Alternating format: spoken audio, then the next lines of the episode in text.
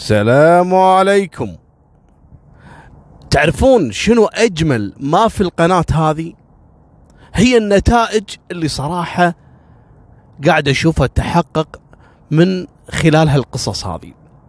والله يا جماعة لو أنشر لكم الرسائل والفيديوهات والفويس اللي قاعد يجيني من أصحاب القصص أنكم تستمتعون بجمال أن الواحد يقدم شيء بهالدنيا. أنا راسلني واحد والله يا جماعة إنها أجمل رسالة وصلتني الفترة اللي فاتت وتخليني يعني تعطيني أمل صراحة تعطيني دافع بتقديم الأفضل. تعرفون قصة شهادة الزور رقمها 619 اللي ذكرناها عن شاب عراقي تعرض يعني لمشاكل في بلده وبسبب شهادة الزور اللي قدمها أحد جيرانهم يعني بشكل كيدي وجاب شهود واتهموه بأنه إرهابي وهالكلام هذا وصار عليه إلقاء قبض والناس تدور عليه المسكين اضطر إنه يترك بلده ويترك أهله اللي ما عندهم غيره. ويروح أحد الدول.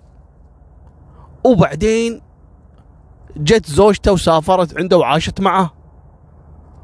وبعدين يلا قدر يجيب بنته وبنته مسجل على أبوه بسبة هالقضية شهادة الزور. وجته بنت وهو في الغربة ومسكين مو قادر حتى إنه يسجلها. وحالته المادية صعبة جدا. الولد هذا تصدقون إنه بعد ما طرحت قصته كثير كلموني. يا أبو طلال إحنا عايشين في الدولة الفلانية وأنا والله أشكركم جدا على الروح الإنسانية اللي عندكم. كثير قالوا لي يا أبو طلال إذا هو عايش في الدولة الفلانية أنا موجود أنا أوفر له سكن وأوفر له شغل وأعطيه راتب وأضبط أموره. وكثير والله لكن الرجل بأمانة يعني يرفض المساعدة المادية. الرجل ما كان قصده في الموضوع هذا إنه يبي أحد يساعده ماديا. الرجل عنده عزة نفس. وأنا أحترمه جدا. الرجل كان يطمح إلى إنه يوصل قصة كفاحة وحياته حق أهله في العراق علشان يعرفون ليش هو هاجر وقاعد في الغربة وشنو قاعد يعانيه وسبحان وبعد ما نشرت قصته بلغني قال لي يا أبو طلال أنت تدري شنو صار بعدين؟ قلت له لا والله ما أدري. قال لي بعد ما نشرت القصة زوجتي خذت رابط الفيديو اللي باليوتيوب ونشرته إلى جماعتنا اللي موجودين في العراق. والكل سمع القصة. وراح الرابط هذا من تليفون لتليفون توزع عن طريق الواتساب والفيسبوك وكذا المهم أهل المدينة اللي إحنا عايشين فيها كلهم اسمعوا قصتي. في كثير ما كانوا يدرون حقيقة الموضوع. وبفضل رب العالمين ثم بفضلك يا أبو طلال تجمعوا كبار المدينة اللي أنا عايش فيها. ومن بينهم عمامي وهلي وأبوي قاد الموضوع وراح وقابل بيت جارنا هذا الولد اللي تسبب في مشكلتي. واللي جاب هو بسبته جاب شهادة الزور وإن القريبة هذا اللي كان آه، ضابط. المهم وصارت كأنها مطالبة يعني قبائلية. يسمونها عندهم مطلابة. إن أنت سببت بهجرة ولدنا وكذا وكذا وما يصير وحرام عليك والناس بدأت تلوم هالشاب هذا. يقول الحمد لله يا أبو طلال إنهم استقروا على رأي إن الشهود هذول اللي راحوا يشهدون يعني راح يتراجعون عن شهادتهم وراح يتم حل مشكلتي وإن شاء الله إني راح أرجع أنا وزوجتي وعيالي إلى ديرتي مرة ثانية. وأنا أشكرك جدا وإن شاء الله راح أرسل لك فيديوهات وبيسوون إن شاء الله حفل بعد عودتي إن شاء الله. وراح أبشرك وأبشر وأبشر المتابعين اللي كانوا متعاطفين معاي في الكومنتات أسفل الفيديو. قلت لها والله العظيم أنا ما أدري إيش أقول لك لكن والله إني أنا سعيد أكثر منك بحل القضية هذه اللي كانت يعني هي قصة حياتك لمدة سنوات. واسمحوا لي بقول لكم الرسالة الثانية قبل أبدأ القصة. الرسالة الثانية من شاب يقول لي يا أبو طلال عندي والدتي بعد ما توفى والدي الله يرحمه المسكينة صار فيها وسواس قهري. يعني صار فيها فوبيا من الخروج من البيت. وخصوصا إن ما تركب السيارة لو شو تسوي؟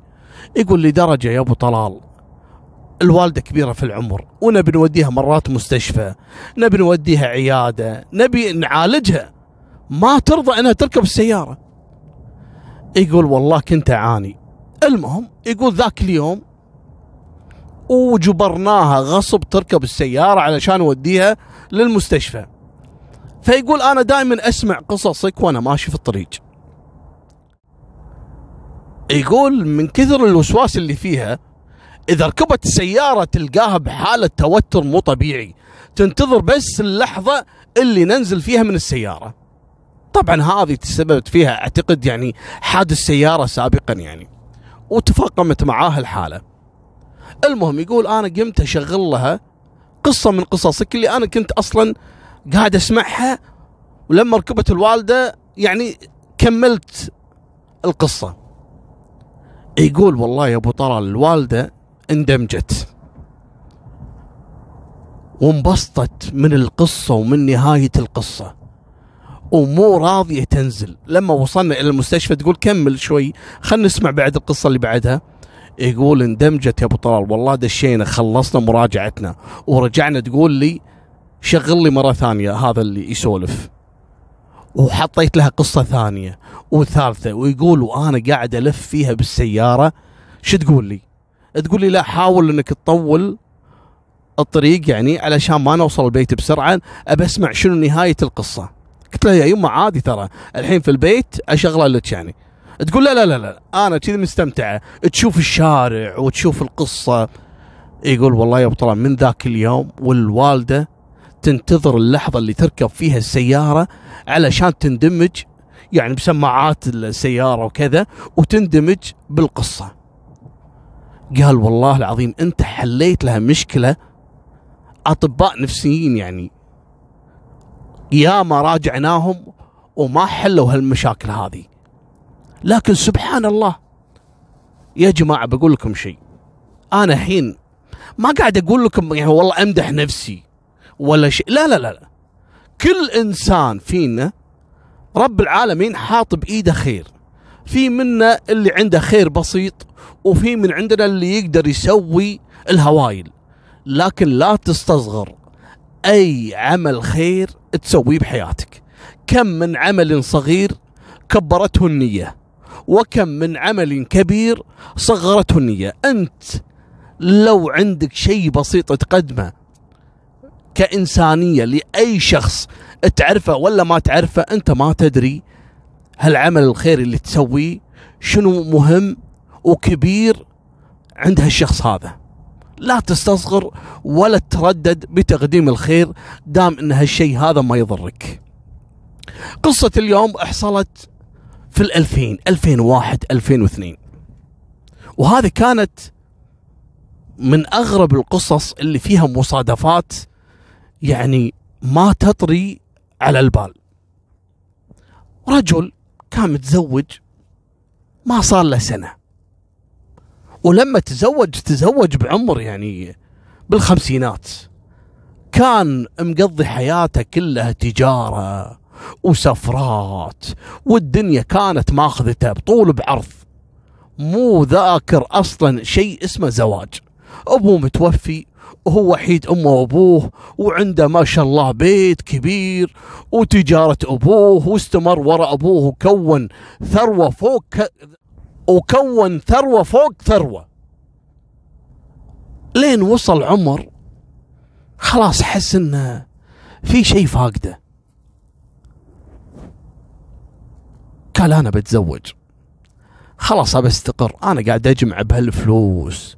وهالملايين حق شنو؟ يعني إذا مت وين بتروح؟ وفعلا شاف له فتاة عربية من إحدى الجنسيات. هو شاب كويتي هذا وساكن في منطقة عندنا في الكويت اسمها محافظة الأحمدي من أهل الصباحية. وتوافق من رب العالمين تزوج الرجال. واستمر معاها سنة. لكن بدأت الشكوك تدخل في قلب هالرجل هذا بعد سنة من الزواج. ليش؟ هذا الرجل لما تزوج هالبنت هذه غرقها بالفلوس. ما قصر عليها بشيء. سفرات وشهر العسل في أحسن ديرة. ولما رجعت وعطاها ولا هي متزوجة واحد. رب العالمين رازقه وبيت وخدم وحشم. يعني البنت يعني طاحت واقفة. لكن شنو اللي صار؟ هذا الرجل شاري سيارة حق زوجته. السيارة باسمه هو. بعد سنة راح يجدد اللي هي يسمونها استمارة السيارة أو دفتر السيارة إحنا نسميها. خلصت التأمين ويبي يجدد لما جاي بيجدد قالوا له عليك مخالفات. قال ما في مشكلة. الظاهر آه، المرة مسرعة ولا شيء ما في أبد. طلعوا له كشف بالمخالفات. المخالفات وين؟ الرجال ساكن في الصباحية من أهل الأحمدي المخالفات كلها في منطقة السالمية اللي إحنا فيها الحين. وأنا متعمد اصور علشان تدشون الجو يعني. المهم الرجل استغرب. ساكن بعيد يعني عن السالمية. وزوجته لما وظفها وظفها كذلك في نفس المحافظة اللي هو ساكن فيها الأحمدي. من وين جت المخالفات في منطقة السالمية؟ الرجل قال لا لا لا. أكيد أنتم مسوين مخالفات عن طريق الخطأ. فراح المرور واشتكى وقلب الدنيا وأنتم ماخذين مني كذا وأنتم حاطين مخالفات علينا. قال لا يا حبيبي ما في شيء يصير عن طريق الخطأ. في شيء اسمه كاميرات وهذه الكاميرات طلعت في هالفترة هذه في أول الألفية تقريبا آخر التسعينات. الكاميرات كان كاميرات المرور كانت تصور أي مخالفة بالوجه. مو نفس الحين. الحين إحنا عندنا في الكويت يعني أنا ما أدري الدول الثانية لكن عندنا في الكويت إذا خالفتك الكاميرا وصورتك تصورك من الخلف شوفوا الكاميرا هذه اللي على اليسار شوفوها الإشارة هذه معطيتك ظهرها الحين. يعني أنت لما توقف الإشارة تصورك من الخلف. لكن أول لا كانت تصورك من الوجه حتى الفلاش كان يعمي عينك. تقول ليش ابو طلال انت شرحت هالنقطة هذه. لأن الرجال لما راح يشتكي أقول له لا يا حبيبي أنت عندك مخالفات كاميرات. يعني راح نطلع لك صور المخالفة. راح نطلع السيارة ونطلع لك كذلك منو اللي كان يسوق السيارة. قال لهم يلا أوكي بشوف. وفعلا طلعوا له الصور. ولا هذه صور زوجته. مرة طايفه الإشارة. مرة مسرعه بالسالميه مرة ما أدري شنو. المهم الكاميرات مصورتها. والرجل هني يحس إنه في شيء غريب بالصور. شنو؟ أحد الصور شاف جنبها واحد شباب راكب جنبها. طبعا ما قال شيء حق المرور. ولو انه قايل لهم كان خافوا أن يتسببون بمصيبة. لكن الرجل لما شاف وهو عارف وضعه ما عنده عيال ما عنده أقارب والله يعرفونها ويعرفها ويعرف أهلها منو هذا اللي كان قاعد جنبها؟ لا تستعجلون بالحكم. المهم هني الرجل راح البيت وقاعد يفكر. معقولة؟ أنا شنو قصرت فيها؟ معقولة تخوني؟ معقولة كذا؟ معقولة. ويا شين الشك إذا دخل بقلب الرجال. أنا ما أحط اللوم على الرجل بالكامل. مع إن الشك هذا خلاص هذا قاتل الزواج. ابدا. حاول إنك تبتعد عن الشك والوهم والوسواس لأن الشيطان لأن إبليس أفضل مهمه عنده إنه يفرق بين الزوجين. يبدأ أول شيء بالشك. تطور العملية عندك وتنتهي في جريمة ولا بطلاق ولا مصيبة. لكن أنت يا المرأة كذلك لازم يكون لك دور كبير جدا بأن الشك ما يدخل في قلب زوجك عن طريق المحافظة على بعض التصرفات والشفافية بالعلاقة بينك وبين زوجك. قولي له كل شيء. وين تروحين؟ وين تردين؟ علشان لا يفهم غلط. لأن الشيطان من أسهل الأعمال عنده هالسالفة هذه. مالكم بالطويلة. الرجل بدأ الشك ياكل ويشرب معاه. يوم يومين ما قام يقرب جنب زوجته ما قام يقعد في البيت. كله يفكر شو أسوي شو أسوي؟ ما أقدر أقول حق الناس أنا قعدت طول عمري عزوبي. ولما فكرت إني أستقر وأتزوج أتزوج واحدة تخونني الرجل قال لا أنا لازم علشان لا أتصرف لأنه بدأ يفكر بطريقة انتقامية خطيرة. يفكر بالقتل شلون ينتقم منها شلون كذا شلون يقتل الرجل اللي كان معاها. المهم قال يبا أنا لازم أتوجه للقانون وهذا أفضل حل ممكن أن الإنسان يسويه. طبعا مو من باب من طاء للباب أو من باب للطاء يعني تروح على طول تشتكي وك... لا لا لا لا. تصرف بحكمة وعقل. مو على أي شيء. اوهام تروح أنت عاد تفضح الدنيا وتفضح نفسك لا. مالكم بالطويلة. الرجل قال أحسن ما أرتكب جريمة. راح وبلغ رجال الامن قال ميبا أنا رجال متزوج وصار لي تقريبا سنة وزوجتي صراحة أنا اكتشفت يعني إنها تخونني قالوا له شلون اكتشفت؟ ترى المباحث ورجال الأمن مو أي واحد يجي والله أنا شاك يقول okay okay ويركضون وراك. لا لا لا. لازم في أدلة لازم في شيء يثبت. لأن هالشيء هذا بكرة يدينك إذا طلع كلامك غير صحيح. تورط أنت ترى. ترفع عليك قضية تشهير وقضية رد اعتبار وقضية بلاوي طلقك بعد. فما تتهم الناس أنت على الفاضي انتبه. لذلك الرسول صلى الله عليه وسلم حط شروط لما واحد يدعي إن زوجته تخونه ولا كذا شروط مغلظة لأن مو أي واحد والله يجي يعني يستغل هالنقطة هذه ويتهم زوجته والله قتلها عشان يبي يسرق فلوسها قال خاينتني. والله يحب له واحدة ثانية ويبي يطلق زوجته قال يحط عليها تهمة إنها خاينته. ترى كثير يستغلون هالأمور هذه الله يكفينا شرهم. المهم قالوا له ليش وشنو عندك إثبات؟ قال أنا شفت صور لمخالفات. زوجتي إحنا ساكنين بالأحمدي وهي مخالفة في السالمية لكن أحد الصور كان جنبها واحد يجلس.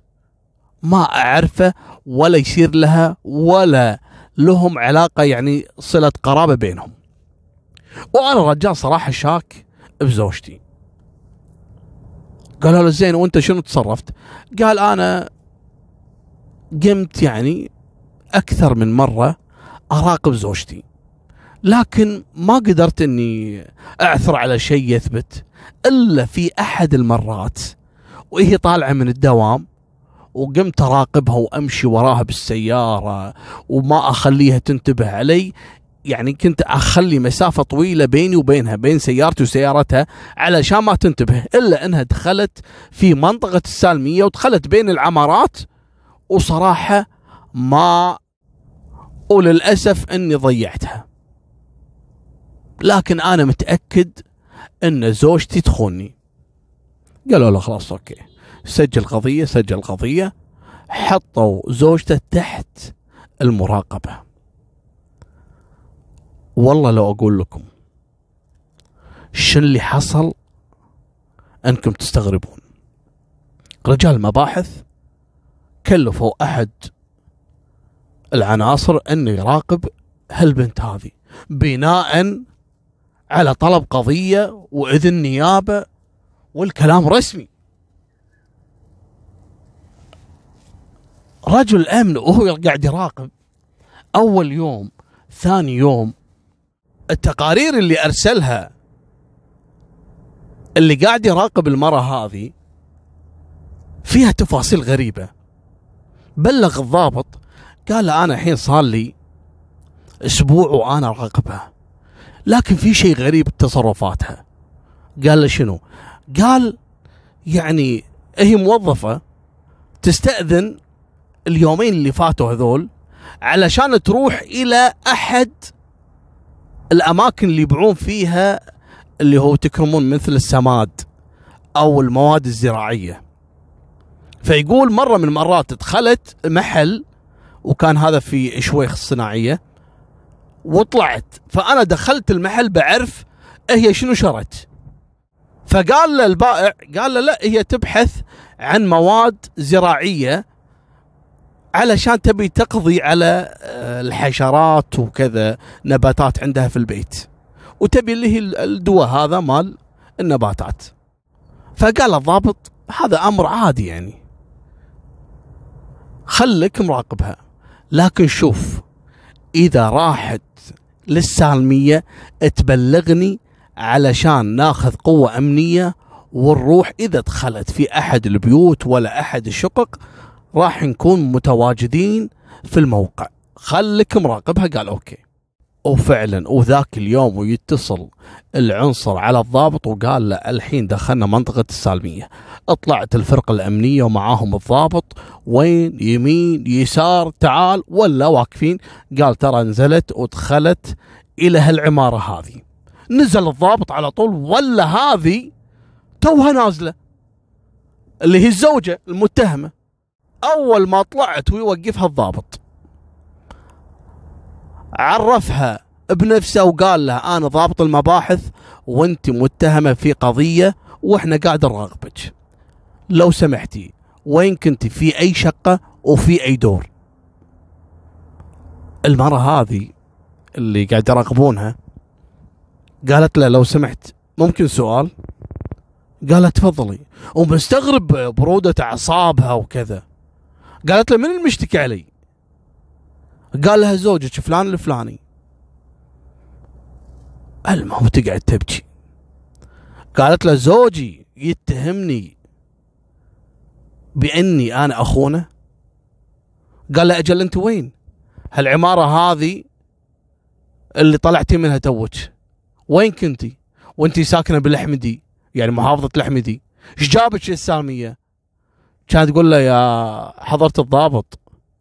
ترى أنا أتعالج عند الدكتور هني بالدور الثالث من ثلاث سنوات وأنا كنت مخبية هالموضوع عن زوجي لأن أنا عندي مشكلة في موضوع الإنجاب وخايفة إنه يكتشف هالموضوع.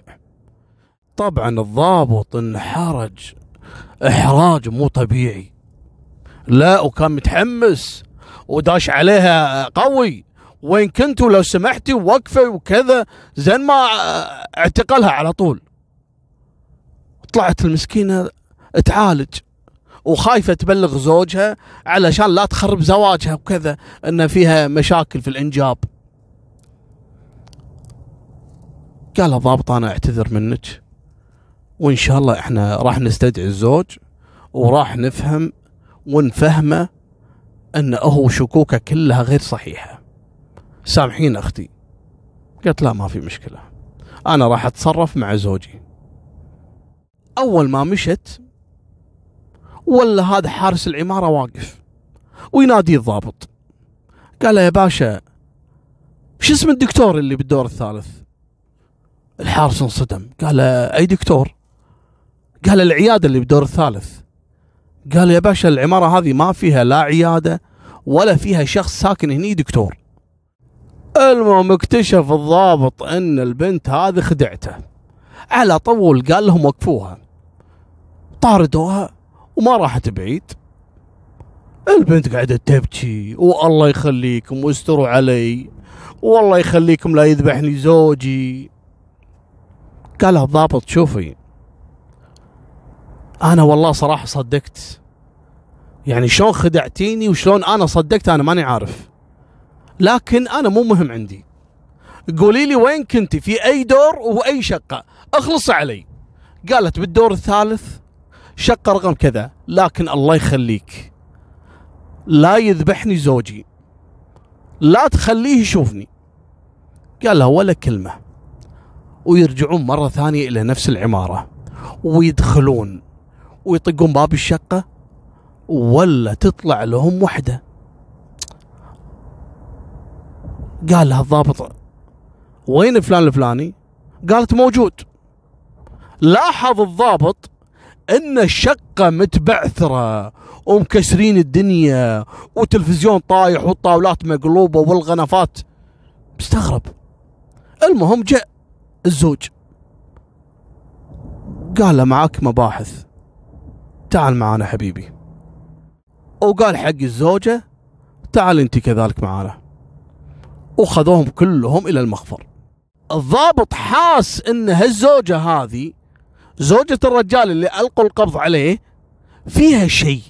زعلانة وكانت تبكي وشكلها معصبة وفي شيء تبي تقوله.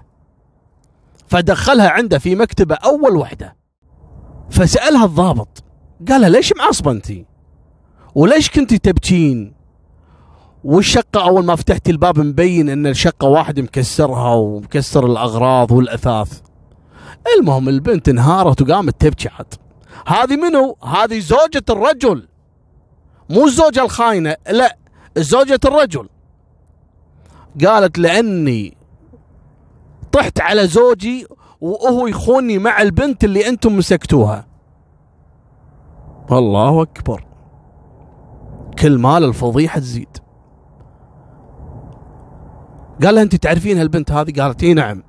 وهذه كانت تتردد أكثر من مرة على زوجي. وأنا مرة اكتشفتها وسويت له مشكلة وبلغت أهلي وكذا وتصالحونا ورجعنا. لكن المرة الثانية أنا شفتها وهي تحاول إنها يعني تدخل في موقف السيارة. وهذا الموقف خاص فيني في نفس العمارة. فلما شفتها مرة ثانية عملت مع زوجي مشكلة لكن أكد لي إنها ما هي نفس الفتاة اللي اكتشفت علاقتي فيها سابقا. لذلك أنا يعني قلت لا يمكن أنا توهمت. وهالمرة هذه أنا تركت دوامي ورجعت البيت لأني أنا أصلا ناسيه مبلغ هذا خاص في العمل المبلغ هذا. وخفت إن الخدامة تأخذه فكنت راجعة بالصدفة. لقيت هذه البنت اللي أنتم مسكتوها تحت العمارة داخل البيت مع زوجي. وأنا بسجل قضية على زوجي. قالوا له ما عندنا أي مشكلة خليك على صوب. راح راحوا نادوا صاحب الشقة. شنو علاقتك في البنت الأولى؟ قال والله علاقتي فيها قبل لا تتزوج. وإحنا كنا ناويين انه يكون بينا زواج لكن أنا وضعي المادي تعبان. ولما تقدم لها هذا الرجال وكنا عارفين إنه يملك وتاجر فقالت انتظر علي أتزوجه وآخذ منه اللي أقدر عليه وبعدين أطلقه وأرجع لك. قال له زين أنت متزوج؟ خاف الله. قال لاني أنا كذلك مقرر إني أتخلص من زوجتي.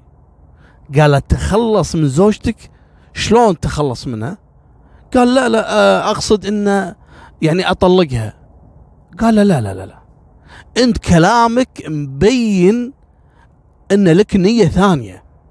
زوجتك أكثر من مرة يعني اكتشفت خيانتك. وأنت ما طلقتها ليش؟ قالها وكذا. المهم ضغط عليه الضابط. الضابط كان جدا ذكي. وبسبة ذكائه قدر إنه ينقذ أرواح الناس. تقول لي ليش يا أبو طلال؟ ما حد مات ولا حد تعرض لجريمة قتل يعني. لا لا لا لا, لا. اسمع السالفة. وهذه الصدمة اللي ما بعد انصدمتوا فيها بالقصة. إيش صار؟ الضابط حس إن هذا الرجل فيه بلا يعني أبى أتخلص منها وهي تتخلص من زوجها وبعدين نرجع حق بعض. قال ممكن وتعرفون مثل هالقضايا تحصل كثير. إحنا حصلت عندنا ترى من فترة اللي اقتلت زوجها وتخلصت منه مع انه لها يعني فيديوهات هي وياها. اللي يشوفهم يقول طيور حب. شلون صارت بهالوحشية؟ سبحان الله. ممكن إنه كان تمثيل يمكن كان شيء واحد ما يدري. فمثل هالنوعية من القضايا تحصل ورجال الأمن لازم يتأكدون. ما يقدر إنه يغض النظر عن مثل هالقضايا هذه. وها سوى ضغط على الرجال. قال له تكلم أنت كنت تبي تتخلص من زوجتك شلون؟ لا ومو صحيح ومن ك... زين okay. أنت قلت إن هذه اللي أنت تحبها ومتزوجة واحد تاجر تبي تتخلص من زوجها شلون؟ مو راضي يعترف. قال okay. حطوا بالنظارة اللي هو السجن. راح جاب الزوجة الخاينة زوجة التاجر. وزوجها موجود لكن مكتب ثاني. ليش ما جابوه؟ ليش ما يواجه؟ من جابوا الزوج وهو ماسك بطنه المسكين الولد التاجر هذا. من دش المخفر اللي هو مركز الشرطة وهم يقول لهم أبى أدخل تكرمون الحمام. شوي يشوفونه قاعد يرجع. شوي يبي يشرب ماي يجيبوا له ماي. يغسل وجهه. قالوا الظاهر إنه مسكين من الانفعال و... وبعد ما ضبطنا زوجته الظاهر انفعل و... يعني ممكن التوتر هذا. حاطينه مكتب ثاني. كل شوي داش الحمام تكرموه طالع من الحمام. المهم خلوه على صوب لين يهدى شوي. جابوا زوجته. الضابط إيش قال لها؟ قال لها يا مجرمة ما تخافين الله قالت ليش؟ قال لها ليش؟ كل اللي سويتيه هذا وتقولين ليش؟ وانهارت البنت والله العظيم ما كان قصدي والله كله بتخطيط منه اللي هو هذا اللي يحبها كله تخطيط منه. أقسم بالله أنا ما أعرف حتى شلون أذبح نملة. شلون أذبح زوجي. الضابط افتر مخه. لازم يتصرف بسرعة. هذا إيش قاعد تقول؟ هذه قاعدة تلمح إن في ترتيب لجريمة. والمصيبة إن زوجها قاعد في المكتب الثاني يعاني الرجل من بطنه ويرجع وكذا. الضابط ربط ربط الأحداث ببعض قال لها أنت شنو حاطت للزوج؟ كانت تقول رحت شريت مبيد حشرات اللي يحطونه في النباتات من النباتات. حطت له المبيد الحشري هذا في الفطور. تدرون اللي يقول لي القصة؟ واللي يقول لي القصة رجل أمن عاصر القصة هذه. يقول بطلات تدري المبيد هذا اللي حاطته شنو؟ هذا يعني الحين يسمونه الحين يسمونه مبيد حشري للصرصار الألماني. تعرف مرات في صرصار ما يموت بسهولة يبيله. مبيد قوي جدا. وقيمته يعني غالي. وعلبة صغيرة كذي يقول لك يصرع البعير. رايحة ماخذته وحاطته له في الأكل. الرجل من التوتر وكان يراقبها وكذا ويحس بطنة عورة. كل شوي يرجع وعباله إن هذه رده فعله لأنه معصب. لين وصل مركز الشرطة وهو يعني حاس إنه متضايق وحاس كذا. والرجال الامن كل شوي يجيبوا له ماي. نطلب لك الإسعاف أنت فيك شيء فيك ضغط فيك سكر. مو عارفين قصته لكن لما بدأت تلمح زوجته على طول ويطيرون فيه رجال الأمن إلى مستشفى أيامها مستشفى مبارك. ويدخلونه قالوا له هذا ماكل شيء فيه مبيد حشري. ويسوون له غسيل معدة. وأثناء غسيل المعدة تفاقمت حالته ودخل بغيبوبة قعد يومين. زين إنه ما مات. الموضوع مو هني. الموضوع بنفس اللحظة ضابط المباحث ضغط على الزوج. قال له أنت شنو حاط حق زوجتك؟ قال أكيد ما دام هو اللي محرض.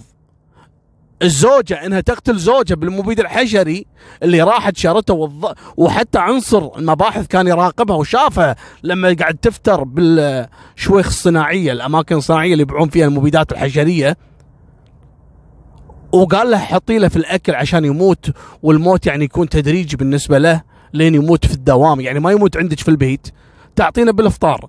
يحتاج ساعتين ثلاثة يكون هو طالع من البيت واصل الدوام يموت في الدوام وخلاص وتروح قضيته. ما حد يدري هو ليش ميت. ولا حتى لو يقولون مثلا إنه تسمم يقول أكيد كلا شيء في الدوام. أكيد كلا شيء من المطاعم اللي بالشارع. وهنا شوف التخطيط الحقير. إيش سوى المسكين؟ إيش سوى؟ فرش لك الأرض ذهب. إيش سوى مسكين؟ مالكم بالطويلة. ضغط على الرجال. قال له أنت شلون الحين؟ إحنا عرفنا أنت علمتها طريقة شلون تخلص من زوجها. أنت شلون كنت بتتخلص من زوجتك؟ انصدم. قال لا مستحيل. وأنا ما كنت أب... قال أنت أصلا الكلمة طلعت منك أنت أول واحد. قبل لا تنهار البنت هذيك وتعترف على موضوع محاولتها لقتل زوجها. أنت شلون كنت تبي تقتل زوجتك؟ مني منك يا جماعة. توقعوا شو مسوي؟ حاط لها المبيد الحشري وين؟ تعرفون الكحل؟ الكحل المكحلة. يقول أنا أصلا ما كنت يعني بعد ما تأكدوا من كلامه. يقول أنا ما أبي أذبحها. ليش ما أبي أذبحها؟ لأن أنا أصلا في خلافات بيني وبينها. وكذا مرة اكتشفت خيانتي لها وتدخلوا أهلها فهم عارفين. أخاف إنها تموت ويكتشفون إن أنا أصلا وراء هالموضوع الجريمة. أكيد بيتهموني. فحطيت لها المبيد الحشري في المكحلة. هذه آه، علبة عشان هي دائما تكحل الظاهر مسكينة. تكشخ الجحش. فحاط لها المبيد الحشري في المكحلة ليش؟ يقول أبيها تحط من هالكحل وممكن إنه يصير فيها عمى. ولما تصير عمية آخذ راحتي.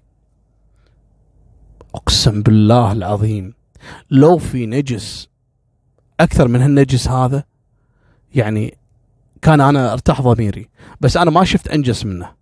يبي زوجته تنعمي علشان يعني مثلا يحذفها عند أهلها ويقول لها خلاص آه، بنتكم منعمت وأنا ماني قادر وأنا أحتاج مرة تساعدني هذا هذا هذا بعض الناس اللي يا رب دخيلك يا رب يا رب تجازيهم وتبعدهم وتمحيهم من هالوجود.